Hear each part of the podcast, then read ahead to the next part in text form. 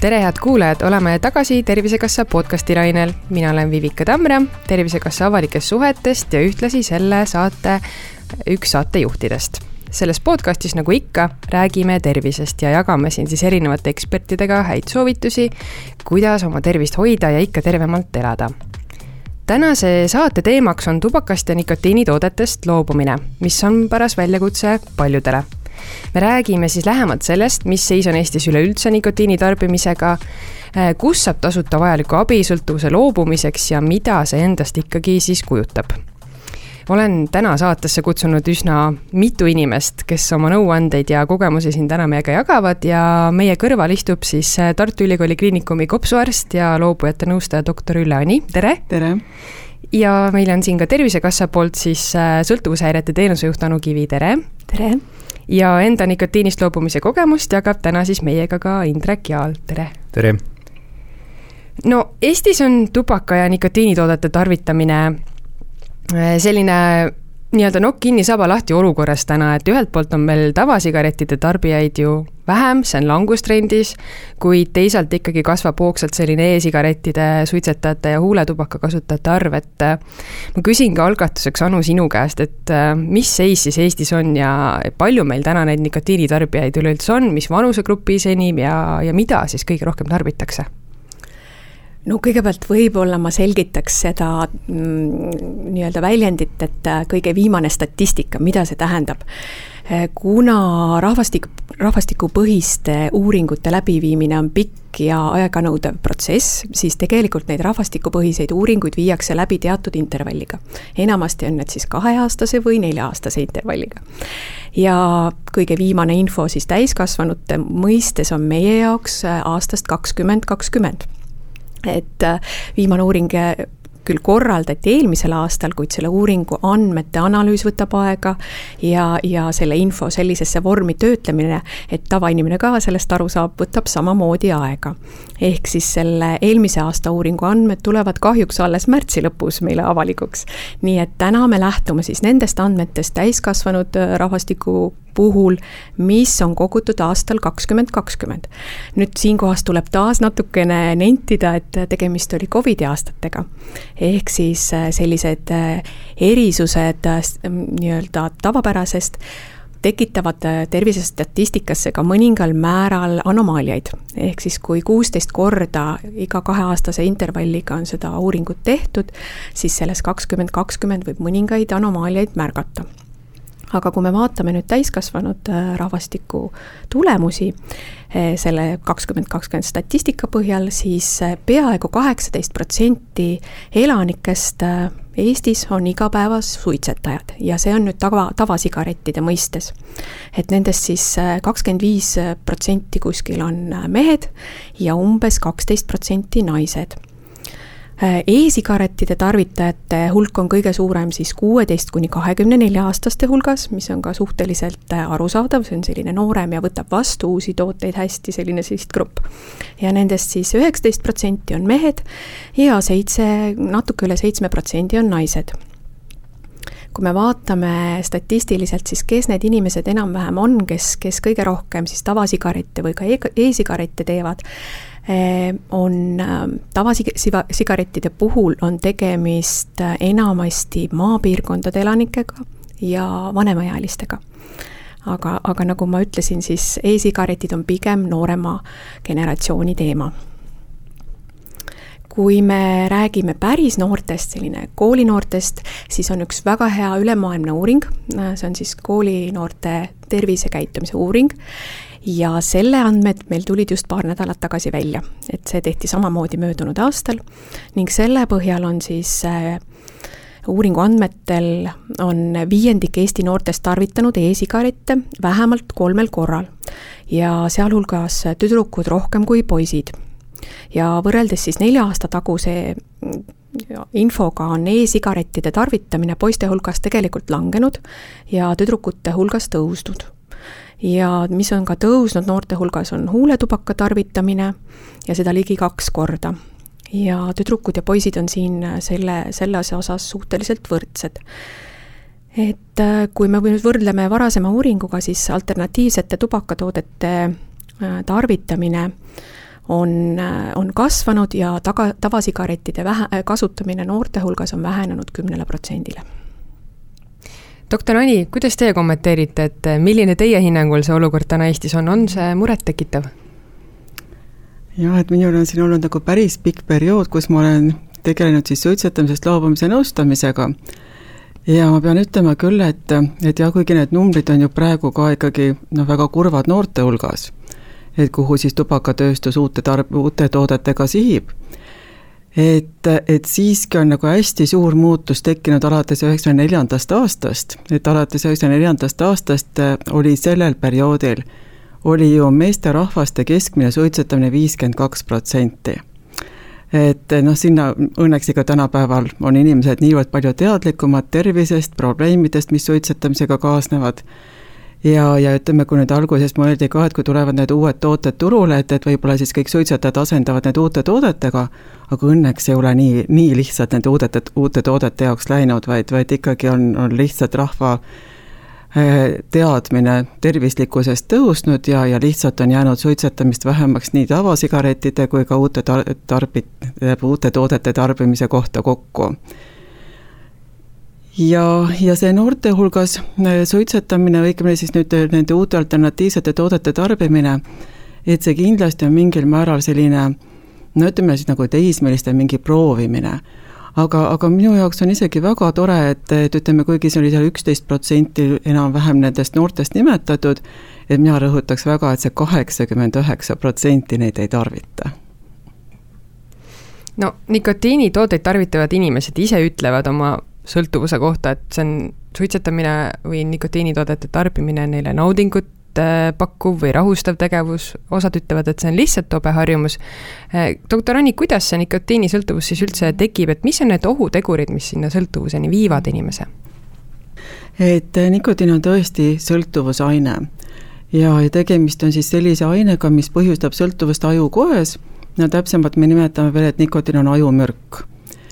ja, ja me teame, et, et ajukoes on olemas spetsiaalsed, meditsiinikeeles ikkagi retseptorid ja, ja kui nüüd inimene tarvitab seda nikotiini ja tarvitab veel ja veel mõned päevad, et siis ka neid retseptoreid tekitatakse juurde, mis omakorda kõik hakkavad vajama uut nikotiinikogust. et kui nüüd viia seda, seda infot nagu hästi lihtsaks, siis äh, näiteks kui mul on patsiendiga väga vähe aega rääkida, ja siis ma seletan, et, et nikotiinisõltuvus on nagu karude toitmine, mis on sõltuvad nikotiinitoidust ja need karud elavad inimese ajukoes kui inimene enam nikotiini ei tarvita, siis need kar-, karud jäävad talveõnne. kui ta, kui ta tarvitab nikotiini veel ja veel ja veel, siis tekib juurde uusi nikotiinitoitu vajavaid karusid ja, ja, ja ei ole nagu niisama lihtne kohe paugu pealt öelda, et ei, nüüd karudele rohkem süüa ei anna. Ja, ja, ja loobumisel peame siis arvestama sellega, et need karud jäävad, jäävad talveunne. aga selge see, et nad ei leia kohe nagu sellist mugavat asendit talveunne jäämiseks vaid need on, nendel on vaja niisugust sobivat keskkonda, sobivat temperatuuri, no ütleme siis sobi-, sobivat äh, seltskonda ja nii edasi, ja mingid motivaatorid kindlasti juurde ja, ja kui me nüüd kasutame siin ravimeid, siis, äh, siis nikotiinplaastrid on sellised, mis oleks nagu karukäpa peale üks mesi kleebitud, et oleks lihtsam talveunne magama jääda ja lisaks on olemas meil ka tablettiravimid, mis on nüüd veidi tugevamad, et, et nende puhul me võime lausa võrrelda kohe, et, et tegemist on justkui nagu narkoosiga nende karude jaoks. et nende, neid, neid tõesti justkui nagu suruda rohkem magama jääma aga, aga mida me peame teadma, on see, et, et kui see inimene nüüd loobub suitsetamisest, ükskõik ka siis ravimitega koos või ilma ravimiteta, et see karude arv ära ei kao. ja, ja tuleb kindlasti vältida seda ühe kiire nikotiiniportsjoni manustamist et olgu see siis tavasigaret või sigar või, või e-sigaret või ka need nikotiinivabad e-sigaretid muide sisaldavad nüüd nikotiini. Olgu see põsstubakas või olgu see siis see valge tubakas, et mis iganes varianti inimene kasutab, see äratab kõik karud tal-, talvunest ülesse. Ja see tähendab seda, et need, need karud on siis ärevad, agressiivsed, näljased, mõned on kurvameelsed, see sõltub hästi palju inimesest, kuidas ta reageerib sellele aga kõik karud vajavad oma toitu, et, et lõpuks rahuneda, nii et, et inimene, kes nagu siis noh, ütleme, teeb nagu sigareti justkui nagu prooviks uuesti, avastab siis ühel hetkel, et ta suitsetab täpselt sama palju nagu varem ja, ja sellepärast ma rõhutan ka, et, et näiteks kui inimene tahab loobuda suitsetamisest ja ta mõtleb, et okei okay,, ma vähendan, siis vähendamisega on tegelikult see probleem, et, et ta äratab kõik karud ülesse iga nikotiiniportsjoniga, mis ta manustab, aga kõikidele süüa ei anna. Nii et, et selle võrra on see loobumise protsess inimese jaoks veel palju keerulisem ja peab küll ütlema, et kes suudavad vähendada, no nad on ikka väga hea tahtejõuga, jõuga inimesed aga esimesest, tähendab, kui on ikkagi, ikkagi valitud suitsetamisest loobumise päev, siis sellest esimesest päevast peale me neid karusid ei ärata ja, ja võime küll lubada, et alates kolmandast, alates neljandast päevast mitte midagi hullemaks enam ei lähe. et läheb iga päev siis edasi juba kergemaks. Ma küsiksin äh, ka nendest kahjulikest mõjudest, et mida selline nikotiini pidev tarbimine inimese tervisega pikas perspektiivis teeb, doktor Ani? et nikotiinile võib-olla on isegi natuke vähe tähelepanu omistatud sellel perioodil, kui oli siis tavasigarettide ta-, tarvitamine. et siis rõhutati ikkagi rohkem seda tubakat ennast ja neid tõrva ja kõike muud nelja tuhandet keemilist ühendit, mis siis sealt sigaretitossust lendus ja kopsu sattus aga, aga täna, praegu siis, kui minnakse nendele alternatiivtoodetele, et siis ikkagi tuleb rõhutada nikotiini enda kahjulikkust. ja teame seda, et, et organismis siis nikotiin laguneb eh, noh, nii-öelda laguproduktideks, millest me teame näiteks nitroosamiine kotiniini ja need on ka eh, samamoodi vähki tekitavad, et mitte ainult see suitsu, eh, suitsus lenduv tõrv ei ole vähki tekitav, vaid ka need nikotiini enda laguproduktid. Et need on need vähiriskid, mida siis inimesed üldjuhul teavad ja, ja mida nad ka tõesti oskavad nagu, nagu riskidena arvata, arvestada aga lisaks sellele siis ma rõhutan veel kord seda nikotiinisõltuvuslikku poolt, et nagu ma nimetasin, et tegemist on närvimürgiga, siis ta ju mõjutab inimese emotsioone. ja, ja need imo-, inimeste emotsioonide mõjutamine tähendab seda, et, et inimene pika aja nikotiini tarvitamise vältel, no see pikk aeg tähendab, ütleme, kuude ja aastate vältel, tekitab endale emotsioonihäireid et, et võrdleme näiteks nüüd antud hetkel siis nagu nii-öelda indiaanlase rahupiibuga et inimesed näevad ja tunnetavad seda hetket, nii kui nad seda nikotiiniportsjoni tarvitavad, et tekib nendel siis niisugune rahunemine või või kellel tekib ka meeleolu paranemine, noh justkui indiaanlase rahupiibul, et, et nii-öelda maeti sõjakirves maha ja peeti seal siis eufoorilist pidustust trummipõrinad ja, ja selliste laulude saatel. ja, ja kui nüüd see inimene teeb sigarette mitte sama palju, nagu tegi seda indiaanlase hõimupealik, et nii-öelda võib-olla kord aastas või kord poole aasta jooksul, kui sõda, sõda peeti, siis, siis tänapäeval jah, on ju pakendatud need kakskümmend sigaretti ühte pakendisse või, või vastav arv siis neid karbi sisse, nikotiiniportsjoneid. Et siis inimesel tekib niisugune olukord, justkui ta peaks iseendaga sõda näiteks kakskümmend korda päevas. emotsioonid kõiguvad üles-alla. ja sellega tekitatakse endale hoopistükkis kas depressioon või ärevushäired, ehk see tähendab, tekitatakse endale sõjakirves, mida mittesuitsetajal olemas ei olegi ja, ja, ja vot siin on siis jah, see suitsetamisest loobumise nõustamise juures me arvestame sellega, et kas ühel inimesel on tekkinud pigem ühed probleemid, teised probleemid ja anname kõikide nende suhtes ka nõuandeid no Indrek, teie tarbisite mokatubakat siis ligemale kuus aastat. kas ja millised kahjulikud mõjud teil avaldusid, et kuidas te kommenteerite? ma, ma jäin mõtlema, kus sel teemal, kui me vestlesime, et, et kas see nagu äh, oli siis äh, kuus või seitse või kaheksa aastat, igal juhul päris pikalt äh, kahjulikud sellised nähtused. ma arvan, et doktor Ani poolt kirjeldatud noh, igale poole saaks tõmmata väikese sellise plussmärgi juurde, et, et ühel või teisel hetkel on, on kõik need nagu läbi käinud, et selles mõttes võib-olla mingil hetkel lihtsalt hakkas enda jaoks tekkima nagu teadlikkus suurem, et, et on mingi selline kõrvalnäht nagu olemas, et. Et, et noh, kui sa ühel hetkel ikkagi märkad, et tõepoolest need emotsioonid hakkavad muutuma sel hetkel, kas sa siis nagu tarbid seda padjakest või sa püüad siis, et okei okay,, ma nüüd tarbin vähem. ja siis sa parasjagu hüppad kellelegi täitsa suvaliselt nagu kaela, sest sa oled natuke närvis rohkem. et siis võib-olla see märkamise pool on see, mis, mis tuli nagu ühel hetkel ja, ja täna võin öelda, et kõik need on igal juhul ära olnud aga kuidas te jõudsite selle otsuseni, et nüüd aitab ja soovite mogatubakast loobuda, et?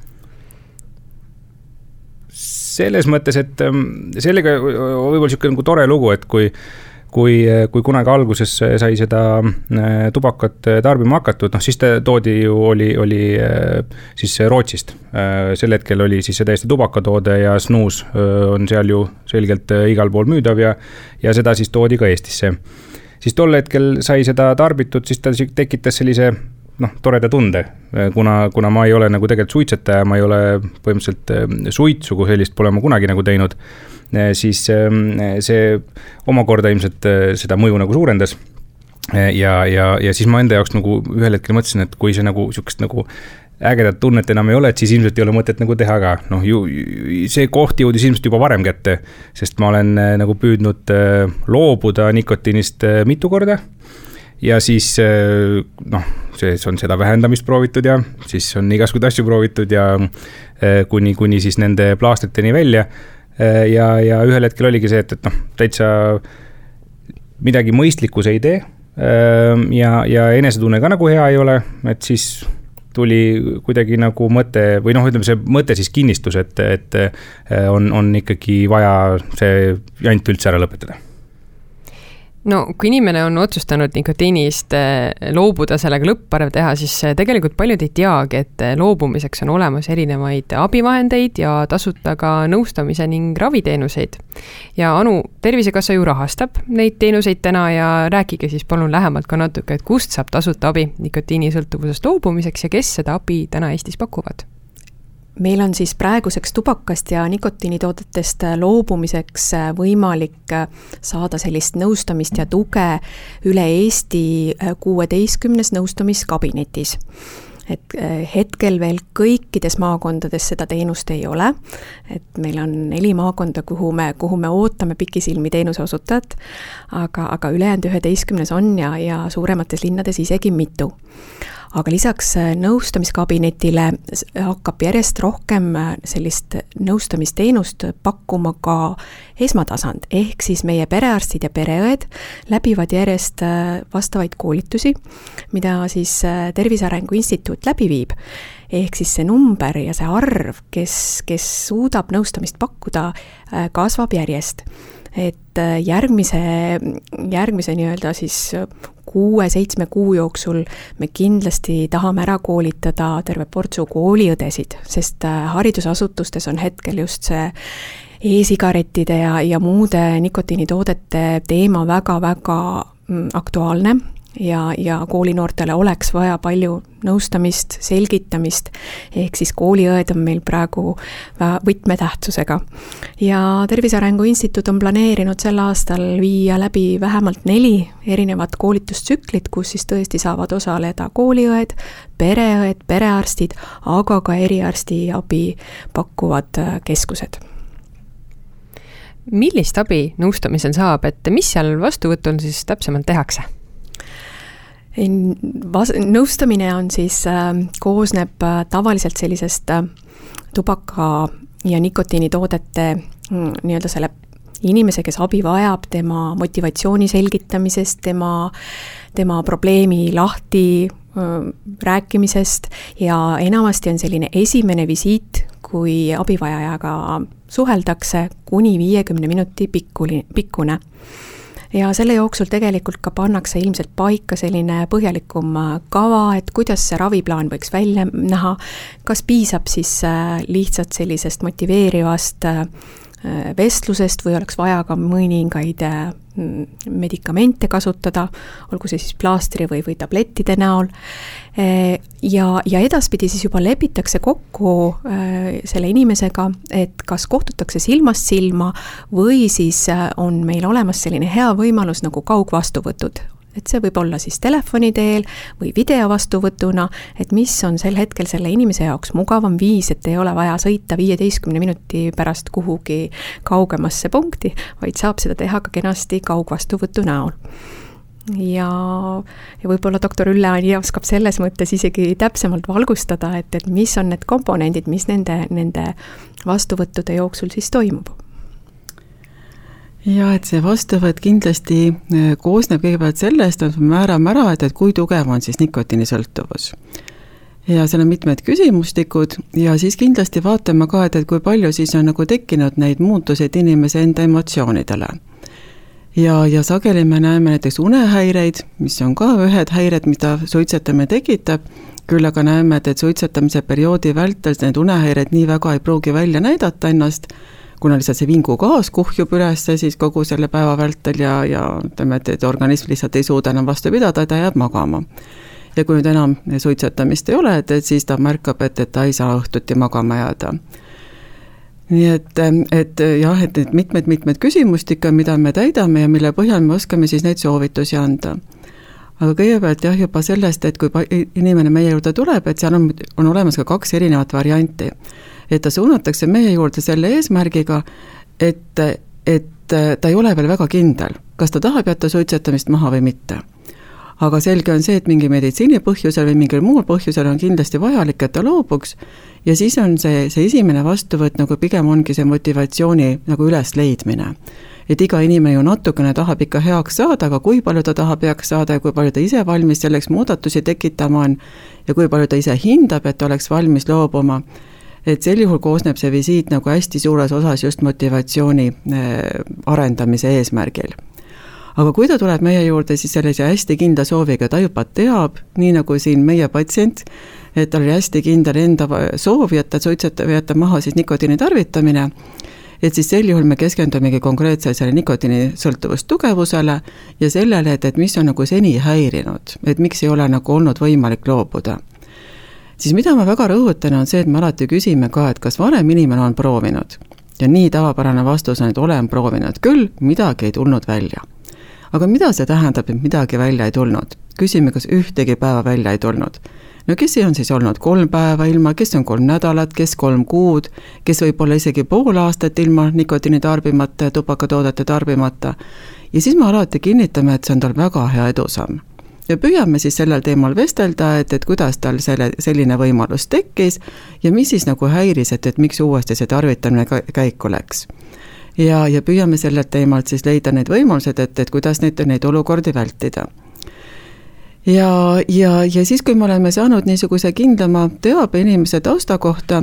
et siis me näeme ära, et, et milliseid soovitusi tuleks nagu jagada, et kellel on une, unehäired, kas neid on varem olnud, kas saab hakkama ilma retseptita käsimüügiravimitega, on olemas ju väga mitmeid, mis on und soodustavad seal ilma retseptideta, või teinekord näiteks ongi vaja lausa retseptiravimeid suitsetamisest loobumisel esimestel peri-, esimestel nädalatel, selleks et uni, uni oleks hea. Ja üks hea uni on ka kindlasti niisugune tugi, et järgmistel päevadel, kui ta hommikul ärkab, on ta nagu puhanud ja, ja selle võrra ka selgem ja, ja suudab nagu jätkata paremini. ja, ja siis on meil hästi kindlad päevad, millal me patsientidega uuesti ühendust võtame, et loomulikult esimesel visiidil me leiame siis sellise parima päeva, mis võiks olla esimene suitsuvaba päev, ja me valmistame seda ette ka sellisena, et et me ei räägi üüratust sihist, et nüüdsest ajast iialgi ühtegi sigaretti, ühtegi nikotiiniportsu me enam mitte kunagi ei tee. et see heidutab inimesi, nad ei julge pihta hakata, nad mõtlevad, nad nihutaks ikka natuke edasi, et ootame veel natuke selles üüratu sihiga. et me valmistame ette üheks perioodiks, alustame ühte perioodi ja selle perioodi me teeme päev korraga esimene päev on paika määratud, ravimid selle jaoks on siis paigas, kui on ravimeid tarvis, või mingid elustiili muutused, mingid reisid, kuskile matkale minekud, seltskonna otsimine selle, selleks päevaks ja nii edasi. ja siis iga järgneva päevaga samamoodi me läheme edasi, et iga järgnev päev on täna see päev, mil ma ei suitseta ja, ja siis on meie jaoks nagu olulised need, need momendid, kus me teame, et inimesel on nagu niisugused kriitilisemad perioodid. no näiteks on kindlasti kolmas päev. saame seda seostada siis uuesti kas helistamisega või tagasikutsega või näiteks, kui patsient läheb ka perearsti juurde niimoodi suitsetamisest loobuma, siis kolmas päev võiks olla see päev, kus ta läheb näiteks vererõhku mõõtma, et oletame, esimene kord ta käis kohal, oli tema vererõhu väärtus kõrge, ravimid ei, ei aita piisavalt ja, ja muudetakse raviskeemi, tehakse siis plaanid loobumise jaoks. Ja kolmas päev võiks olla siis see, millal kutsuda tagasi vererõhku mõõtma, mis on ka kindlasti meditsiiniline toetus selleks, et, et seda hommikut üle elada. Ja siis juba kindlasti on need, need tagasikutsed seotud ka sellega, et, et millal näiteks ravi muutub vähemaks või ütleme, mõnedel tablettravimitel seal kriitilised olukorrad, kus me peame teadma, et, et tableti kogust ikka võib suurendada, nii et, et nende päevade kaupa võetakse patsientidega ühendust, enamasti siis telefonitsi või, või video teel ja siis lõpuks on need soovitused pikaajaliseks äh, suitsuvabara püsimiseks. et leida endale üks motivatsiooniallikas, kuidas, kuidas sellega toime tulla. Äh, siin on erinevad motivatsioonid olnud, vahel oleme soovitanud, et koguda raha nii-öelda sukasäärde, keegi ütles, et tegi endale investeerimiskonto ja väga edukalt tegi investeerimiskonto, ja, ja ütleme, et kui inimene näeb midagi väga selget, mis on muutunud, et alates muidugi sellest, et lõhnatunnetus paraneb, maitsetunnetus paraneb, füüsiline koormus, taluvus paraneb, nii-öelda võhma tuleb juurde ja siis, kui tekib mingisugune igavuse moment, oletame, on kuus kuud möödas loobumisest, kõik on väga hästi, et noh, teinekord ikka tekib see huvi, et, et ei tea, kuidasmoodi see nüüd oli.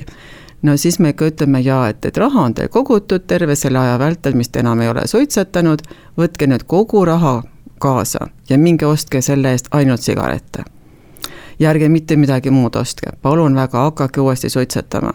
Aga kui inimene näeb, et tal on seal kuussada eurot või, või natuke rohkem kogunenud selle ajaga, no siis on üpris mõte, mõttetu selle eest, ta näeb ka ise, et, et selle eest nüüd kõike uuesti jälle ära nullida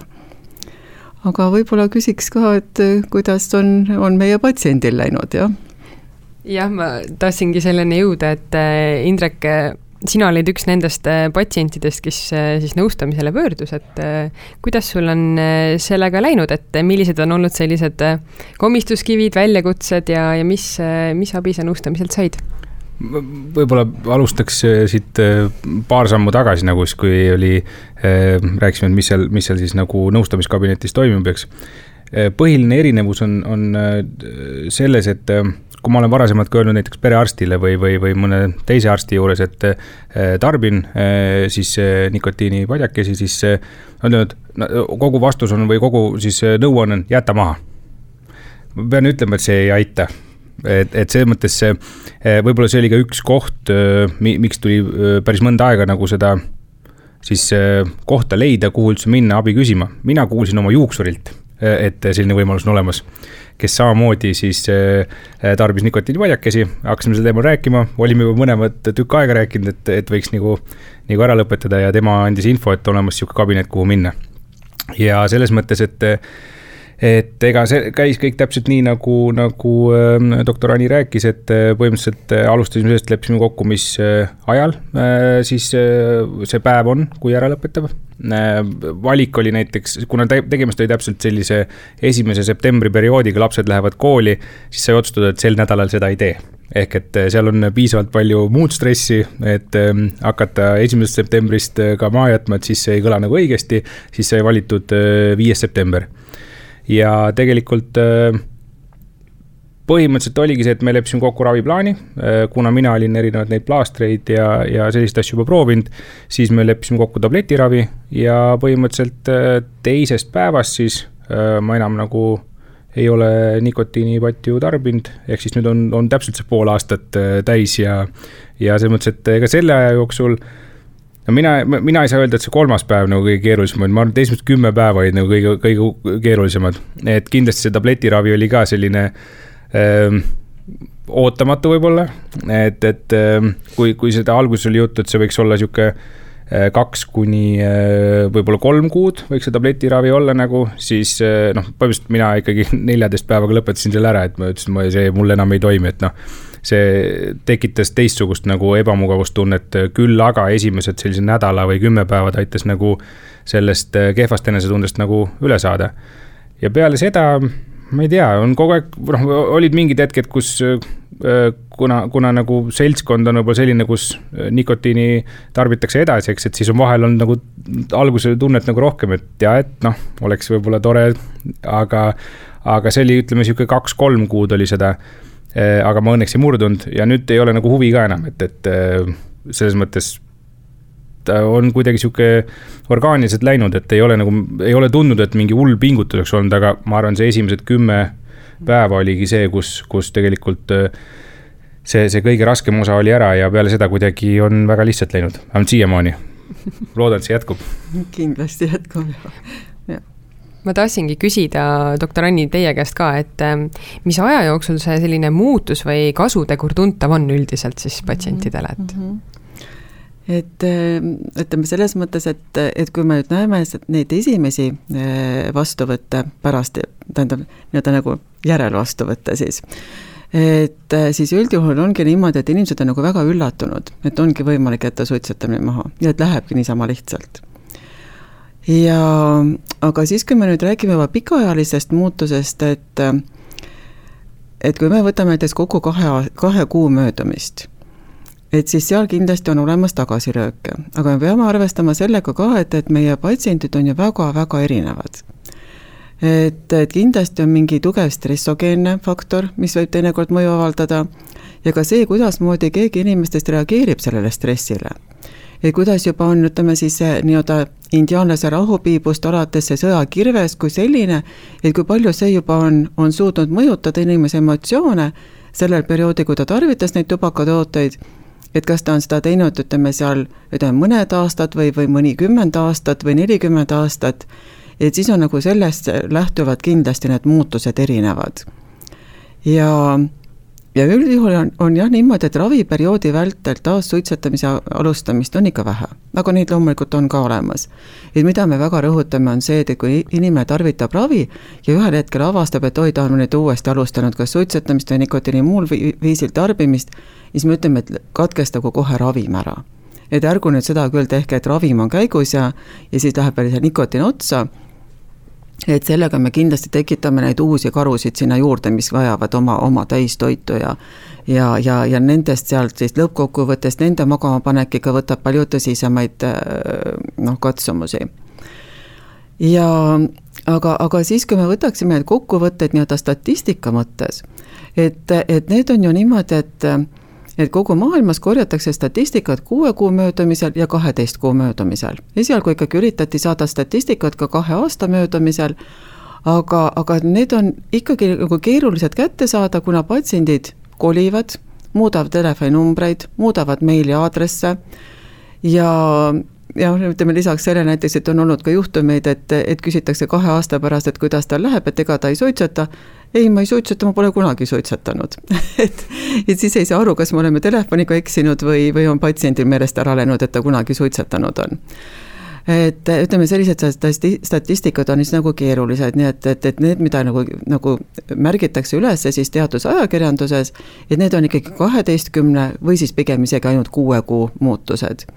ja kuus kuud mõnes mõttes on lühike aeg, et sellist otsust teha, aga kuus kuud on täiesti piisav aeg, et teada, et need korud on talveunes.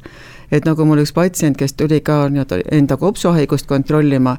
eh, poole aasta möödudes ja selgus, et oligi siis pool aastat tagasi eelmisest visiidist jätnud suitsetamise maha. Ja nii kenasti nimetas mulle, jaa, tema mõmmikud magavad nii et esimesed mm. paar päeva on kõige raskemad ja, ja kasutegur on tuntav ikkagi kõige paremini siis juba poole aasta möödudes. ja siis me saame nagu anda nagu sellise lõpp, noh nagu pikema eh, hinnangu, jah ja seda, see risk, et uuesti suitsetama hakata, on ikka väga palju väiksem, võrreldes ütleme seal kolme-nelja päeva möödumisega mhm. kui nüüd inimene sellele nõustamisteenusele, raviteenusele tuleb, eh, siis ma igaks juhuks küsin veel üle, et mis on need peamised komistuskivid, mis ikkagi ette tuleb inimestel? Mm, et nagu nõustamisteenusele tulles, et ta näiteks ei alustagi loobumist. näiteks et... niimoodi, jaa no üks komistuskivi on see, et, et ta ei tule mitte isiklikult meie juurde mitte omast vabast soovist, vaid ta on suunatud meile niimoodi, et võib-olla isegi tuleb käe kõrval kellegagi koos. et oletame, et abikaasa toob siis oma, oma, oma meesterahva seal, enamasti on niipidi, et naine toob mehe ja, ja, ja toob sinna käe kõrval kohale, et, et võtke nüüd minu mehe seest suitsetamine ära no siis me ütleme, et teate, et meil imevõimeid ei ole, et, et meie kellegi seest midagi ära võtta ei saa, aga et me saame teile rääkida, enamasti me siis räägime ka naisterahvaga. et mõlemad on korraga, me räägime sellest nikotiinisõltuvusest, meil on seal pilt, pildid olemas, mis seda teevad nagu täpsemaks, et see ei ole päris ainult karude jutt, et see on siis juba natukene täpsemalt ja, ja, ja arusaadavamalt. ja ja siis, kui see naisterahvas ka saab aru, et, et jah, et, et, et ei ole mitte see mees ei ole halb inimene, kes tahab suitsu teha, vaid ta on tõepoolest nikotiinisõltuvuses, et siis on nagu selline noh, nagu koostöö on igal juhul parem eh, abikaasade vahel ja, ja, ja naisterahvas näeb, kuidasmoodi tuleb siis meesterahvast toetada ja ühtlasi leiame need raviskeemid et, et see on, ütleme kindlasti nagu see nii-öelda tuleku puhul komistuskivi, mis, mis teinekord võibki viia selleni, et, et võib-olla see patsient ise ei taha üldse alustada.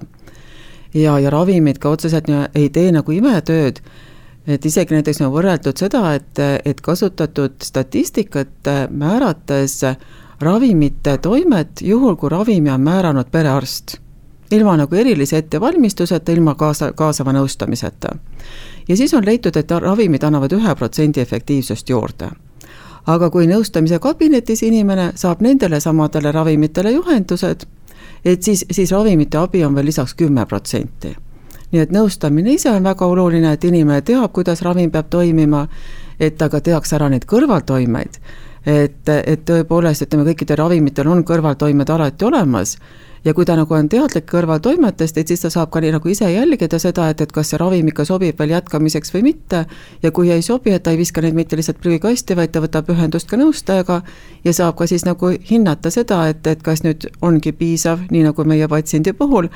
Et ütleme, see kõige, kõige kriitilisem olukord on ületatud ja saab hakkama ka edasi ilma nende ravimiteta. Või näiteks on vaja ka selle loobumisprotsessi vältel vahetada üks ravim teise vastu ära et ähm, just nimelt see jälgimine ja, ja mis on veel võib-olla nagu iseseisval loobumisel komistuskivideks, on see, et, et sageli ju tullakse meie juurde, olles nagu korduvalt-korduvalt proovitud, et äh, näiteks kasutatakse siis iseseisvalt apteegist ostes nikotiinplaastreid valesti. ja enamasti siis oodatakse, et see plaaster peaks võtma nende tahtmise suitsetada ära. no seda see plaaster ei tee, et, et ikka see, see suitsetamise, äh, suitsetamine kindlasti kahe sõltuvuse noh, nagu, nagu ütleme, et suitsetamise sõltuvus koosneb kahest erinevast sõltuvusliigist. et üks on siis nikotiinist ja teine on rituaalist. ja kui me räägime üldse meie ravimitest, siis need mõjutavad ainult nikotiinisõltuvuse osa, nad ei mõjuta rituaali osa. nii et see nõustamine on see, mis nagu kõige rohkem aitab kaasa, et kus, kus inimene hakkab ise mõtlema, kuidasmoodi ta saab neid rituaali muutuseid tekitada. ja juba seda enne esimest suitsuvaba päeva just selle ettevalmistamisega, selle päeva valimisega, nagu me kuulsime, et, et me ei vali mitte stressirikast hetke, sageli näiteks ju valitakse esimene jaanuar. aga no kes siis esimesel jaanuaril on nii-öelda nagu hästi eelnevalt puhanud et võib ikka juhtuda niimoodi, et see ei ole kõige parem päev alustamiseks, vaid pigem siis laseme selle esimese jaanuari mööda, aastavahetuse mööda ja võtame siis, kellele sobib näiteks täisnädalast esmaspäevast alustada, kellele hoopistükkis sobib alustada näiteks nädalavahetusega, kus on kodus sellist toetust rohkem või, või tõesti ütleme, mingisuguste teatrikülastustega, reisile minekuga, kus teised kaasajad on mittesuitsetajad, eriti hästi sobivad matkad, rattamatkad et no kus ongi vaja nagu rohkem seda koormustaluvust parandada. või, või mingisugused muud, näiteks läheb vanaema või vanaisa lähevad lapselastele külla, et siis võiks ikkagi olla juba päris kindel, et, et see ei ole mitte nüüd esimene päev, kus ta lapselaste juurde jõuab ja ühtlasi noh, justkui nagu nüüd ei tohi esimest päeva suitsetada vaid ikkagi, et ta on endale juba selle suitsuvabaduse tekitanud vähemalt nädal, kaks või isegi kolm enne seda, kui niisugust külastust planeerida ja, ja eks neid riskimomente on muidugi hästi palju, aga meil on nende kohta nipid olemas ja neid on nii suur variaabelsus, et, et kõike ma ei oskagi siin ette nimetama hakata. jah, et sellest kuuleb juba pigem nõustamisteenusel ise. korra võib äh, siia äh, veel äh, juurde lisada, et, et mis see nagu loobumise probleem võib olla või ütleme, et noh, miks on keeruline seda teha üks asi, äh, mina vähemalt tunnetasin seda päris palju, on see, et, et äh, ikkagi räägitakse väga palju suitsetamisest loobumisest, mitte nikotiinist. ehk siis, kui see nõustamiskabinet on, siis tuleb väga selgelt aru saada, et see ei ole suitsetamisest loobumise kabinet, vaid tegelikult on nikotiinist loobumise, et täna lihtsalt on seda nagu hästi palju erinevalt.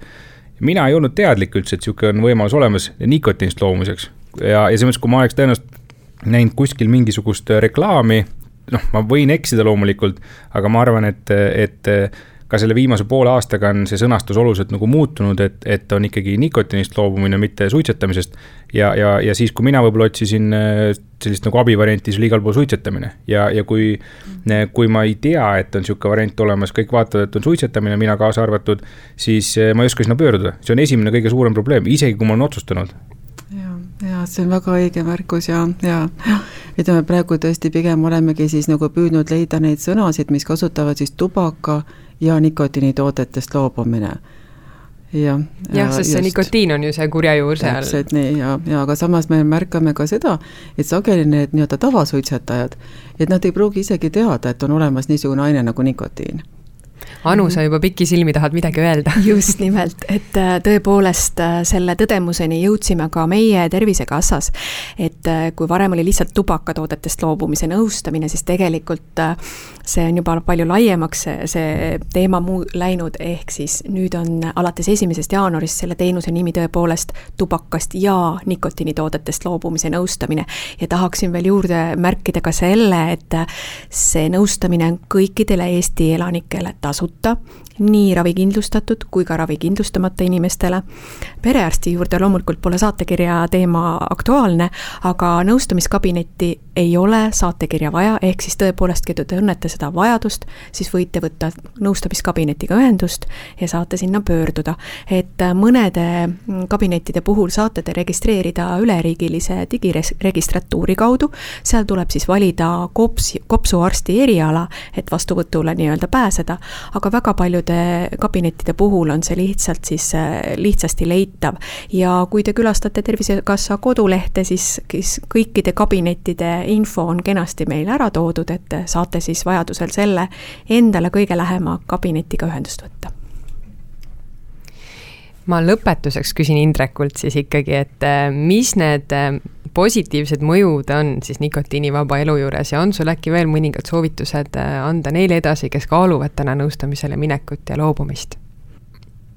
ma arvan, et kõige suurem on, on see nagu positiivne osa on, on ikkagi nagu see, et, et tegelikult ka ei ärka enam hommikul üles ja ei mõtle esimese asjana, et mis ma nüüd teen, et otsiks ühe nüüd nikotiinipalja kuskilt. et äh, see on üsna tüütu tunne ja, ja kui see, kui sellest on nagu üle saadud, siis see on väga-väga hea tunne enda jaoks. ehk et äh, ma arvan, neid põhjuseid, miks loobuda, noh, neid on nagu nii palju, et äh, raske nagu üles lugeda. aga, aga selles mõttes, et, et noh, kui nüüd panna nagu kuidagimoodi siis kaalu peale, et et kas loobuda või mitte loobuda, et noh, siis äh, igal juhul loobuda, äh, see, see on nagu selge. Ehm, aga, aga need, kes on nagu mõelnud, et äh, võiks, siis kõigepealt võib-olla võiks peeglisse vaadata ja mõelda, et kas ma tahan. see oli vist ühesõnaga, on neid kuulsaid inimesi olnud küll, kes on seda öelnud, et ma olen suitsetamisest loobunud tuhandeid kordi, see on jube lihtne aga, aga tegelikult äh, see on lihtne siis, kui ma tahan seda teha ja kui see on enda jaoks nagu läbimõeldud, siis äh, sealt edasi on äh, suhteliselt juba lihtne et tõepoolest on nii, et Mark Twain on kirjutanud, et suitsetamisest loobumine on imelihtne, teen seda iga kord peale iga järgnevat sigaretti aga Indrek, ma veel küsin seda ka, et, et need kasutegurid, et kas sa tunned, et sul on näiteks energiat rohkem või on sul lõhna või maitsetaju parem või tervis üleüldse parem? et kas selliseid asju ka märkasid nüüd? Ma olen nagu nüüd pool aastat mitte tarbinud ja ma ausalt öeldes ei mäleta seda aega, kui ma tarbisin. et selles mõttes, et, et hetkeseisuga nagu see tundub nii loomulik, et ma ei ole nagu kunagi tarbinud. ja selles mõttes, et eh, ma arvan, et ma magan paremini, see on nagu selge. et, et selle koha pealt on, on uni kindlasti nagu sügavam, et see on, seda ma küll tean. muus osas ma ei mäleta enam, ausõna nii, aga võtame siis selle tänase saate kokku. nagu me kuulsime, siis nikotiinist loobumine ei ole sugugi lihtne teekond, mida ette võtta, aga kui selle teekonna ette võtad, siis see läheb oluliselt sujuvamalt, kui sa saad nõu ja abi professionaalselt nõustajalt. Ja see tasuta abi on ju tegelikult siis kättesaadav ja olemas ja Tervisekassa toetab seda, tuleb lihtsalt vastu võtta ise ka see otsus, et sa soovid sellest halvast sõltuvusest loobuda ja teha see samm tervislikuma elu poole ja nagu siin öeldud sai, siis iga loobumiskatse on positiivne tulemus. ja rohkem infot sellel teemal saate siis tõesti Tervisekassa kodulehelt või külastades veebilehte tubakainfo.ee. ka seal on kõik eh, need kabinetid üles loetletud, kuhu minna saab ja ma siis sooviksin tänada kõiki neid toredaid kõneisikuid, kellega ma siin täna vestlesime, aitäh teile. ja aitäh teile ka, head kuulajad, et olite meiega, olge terved ja peatse kuulmiseni